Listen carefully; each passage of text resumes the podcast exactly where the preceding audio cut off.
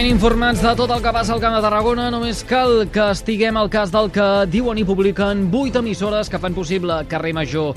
És dimecres, 15 de març de 2023, i això és l'Infotarda Daily. Anna Plaça, bona tarda. Tu diràs, què tenim avui en portada? Bona tarda, Eduard. Doncs comencem destacant que els bombers han donat ja per controlats els dos incendis que cremen des d'ahir al Camp de Tarragona, el de la Selva del Camp que és el que es va declarar primer, i el del Calafell. Aquest segon va obligar a desallotjar i a la tarda una trentena de persones i també a confinar diverses urbanitzacions. El confinament s'ha pogut aixecar aquest matí i els desallotjats ja, de fet, han pogut passar la nit a casa seva. El foc no ha cremat cap habitatge, però sí que ha arribat a tanques i jardins. La sotsinspectora dels bombers, Mare Gil, explica que la situació està controlada, que queden algunes fumaroles i que ara s'està treballant per evitar revifades. No hi ha flama activa, exacte. L'únic que es veu és això, fumarals. El que hem vist més és fumarals, fum, vale? que pot estar en zona cremada, especialment es troben en zona cremada. Hi ha algun en zona verda, però bé, els agafem ràpids i, i els apaguem. A Calafell s'hi mantenen una vintena de dotacions de bombers i a la selva del camp, on el foc també s'ha donat ja per controlat aquest migdia, passat migdia, en queden 8 de dotacions. El primer incendi ha afectat 24 hectàrees i el segon gairebé 20.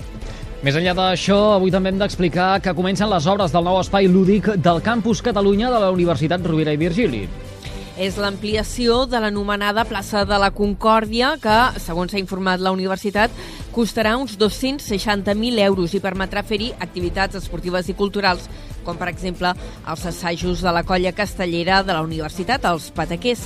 Els treballs que han arrencat aquesta mateixa setmana s'allargaran dos mesos. El que es vol fer és unir la plaça actual de Formigó, que ja existeix, amb una de nova a través d'una zona tova i enjardinada amb espais que la universitat ha definit com a més polivalents i sostenibles.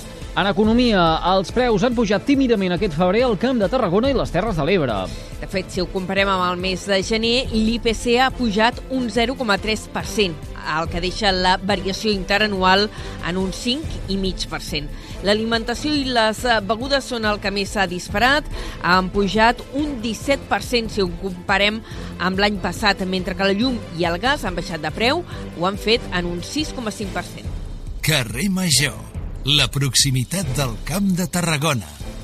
En crònica local hem d'explicar que la ciutat de Tarragona viu entre un i tres desnonaments al dia.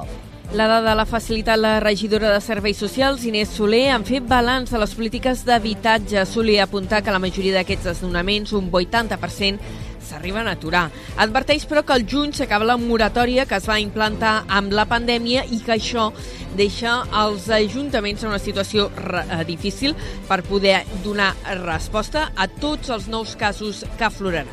Ha de garantir el dret a l'habitatge i en aquest sentit la Generalitat de Catalunya no ha fet ni està fent els deures. Per tenir vides dignes cal un habitatge digne eh, i a ningú se'ns escapa que el sistema i el marc jurídic han fracassat. D'aquí la importància que a nivell eh, municipal no decaigui mai eh, les partides destinades a, a l'habitatge. Durant aquest mandat, els serveis socials de Tarragona han allotjat 27 famílies vulnerables en habitatges del Servei Municipal de l'Habitatge. El velòdrom de l'anella mediterrània renovarà aquest 2023. La regidora d'Esports Maria José López ho ha anunciat avui en una entrevista al programa Bon Dia Tarragona de Ràdio Ciutat. Ha detallat que el velòdrom es renovarà del tot, que el projecte ja està redactat i que es compta amb diners per fer-lo. I encara a Tarragona aquest divendres arrenca la nova campanya dels bons comerç. Avui s'ha presentat públicament aquesta campanya que anirà acompanyada de múltiples activitats que es faran als carrers de la ciutat per dinamitzar l'activitat. Eh, L'Ajuntament hi destinarà uns 15.000 euros i divendres, per exemple, quan arrenca la campanya, es farà un tas de cerveses artesanes tarragonines a la plaça Verdaguer. Carrer Major és proximitat. I Torredembarra enceta aquest dissabte els actes de commemoració del bicentenari del naixement del periodista Manyer Flaquer amb la presentació de la seva biografia. Un llibre molt voluminós que es titula Joan Manyer i Flaquer, la notícia com a estil de vida. El seu autor és l'historiador Jordi Bou. La seva tesi doctoral ja es va basar en aquest il·lustre torrenc que mitjans del segle XIX va revolucionar el periodisme a Catalunya i a Espanya. Bou a destacar que a través de la figura de Manyer i Flaquer es pot resseguir la història del país al segle XIX. Però sense conèixer tampoc altres visions d'Espanya, com és la que del Manyer Flaquer, tampoc pots entendre el conjunt de tot l'estat espanyol.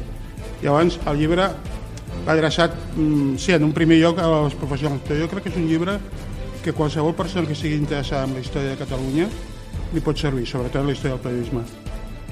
El llibre es presentarà aquest dissabte a les 7 de la tarda al pati del Castell de Torredembarra. Al llarg de l'any es faran més actes per recuperar i divulgar la memòria de Manyer i Flaquer i el seu llegat en el món del periodisme.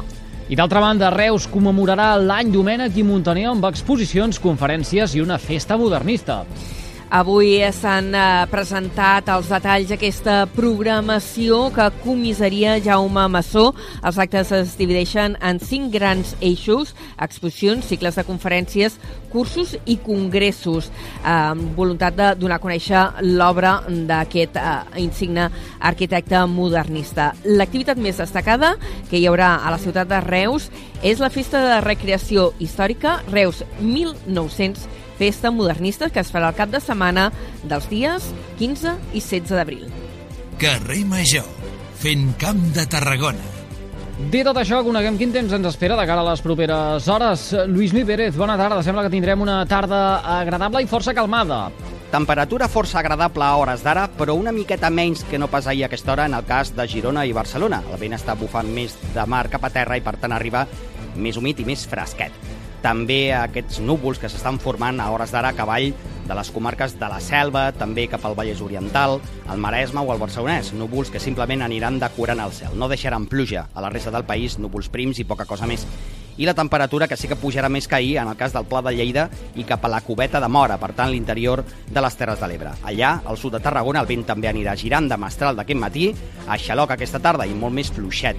En vista de mà, aquest vent de xaloc farà que hi hagi molts núvols baixos i boires arran de mar, sobretot a la Costa Daurada, i demà la temperatura pujarà més que la d'avui en el cas de la terra ferma. Ho anirem seguint aquí a la xarxa. Ara sí, doncs, ho deixarem aquí. Anna Blassa, gràcies per aquesta pinzellada informativa amb el més destacat del dia al Camp de Tarragona. Que vagi bé.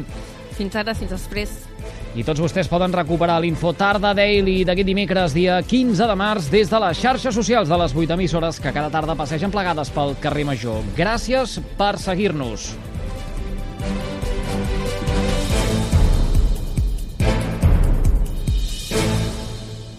Tot el que passa al Camp de Tarragona t'ho expliquem a Carrer Major.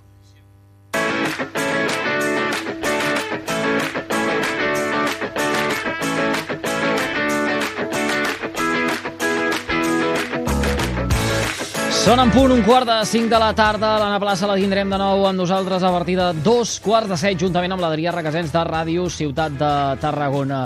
Ens eh, ampliaran aquestes qüestions que acabem d'explicar i, a més a més, en coneixerem moltes d'altres d'interès per tothom. En tot cas, el que hem de fer ara és descobrir quin carrer major trepitjarem avui. Miquel Llevaria, company de BXC Ràdio, home de la unitat mòbil. Bona tarda. Bona tarda, Eduard. Doncs mira, ja que m'has comentat, no? Quin, quin és el carrer que trepitjarem avui? Doncs ja que ahir vam trepitjar uh, carrer de Baixcamp, doncs mira, ara tirem cap amunt i farem carrer del Camp. Carrer del Camp. Ah, va, dic, dic ara carrer del Camp. Dic quin és el carrer de, de, del, del Camp. És a dir, carrer de d'alt camp, de la comarca de, Exacte, de, de la comarca del del camp. A, a, a més, si Ara, fos ara. carrer del camp seria més un camí que un carrer, no? Imagino. També, també, ben vist, ben vist. M'agrada aquesta agilitat, Miquel. Escolta una cosa, te'n vas, doncs, cap a la ciutat de Valls. Sí, eh, ens anirem cap a la ciutat de Baix, ens anirem cap a aquesta capital de la comarca de l'Alt Camp per a parlar sobretot d'un tema i és que el, un dels gegants que tenen, el gegantó Lladre Faves, eh, a part de que eh, aquest cap de setmana sortirà a fer la seva caminada fins Picamoixons, de baix fins Picamoixons, que per un gegant no és poca cosa, també a la vegada serà eh, nomenat com a bé cultural d'interès nacional i doncs coneixerem una mica eh, com va aquest tema. Fantàstic, molt bé, doncs escolta, Miquel, et deixem conduir fins a la capital de l'Alt Camp, deixem conduir fins a Valls, connectem amb tu d'aquí un parell d'horetes. Gràcies i fins després. Vinga, ens veiem.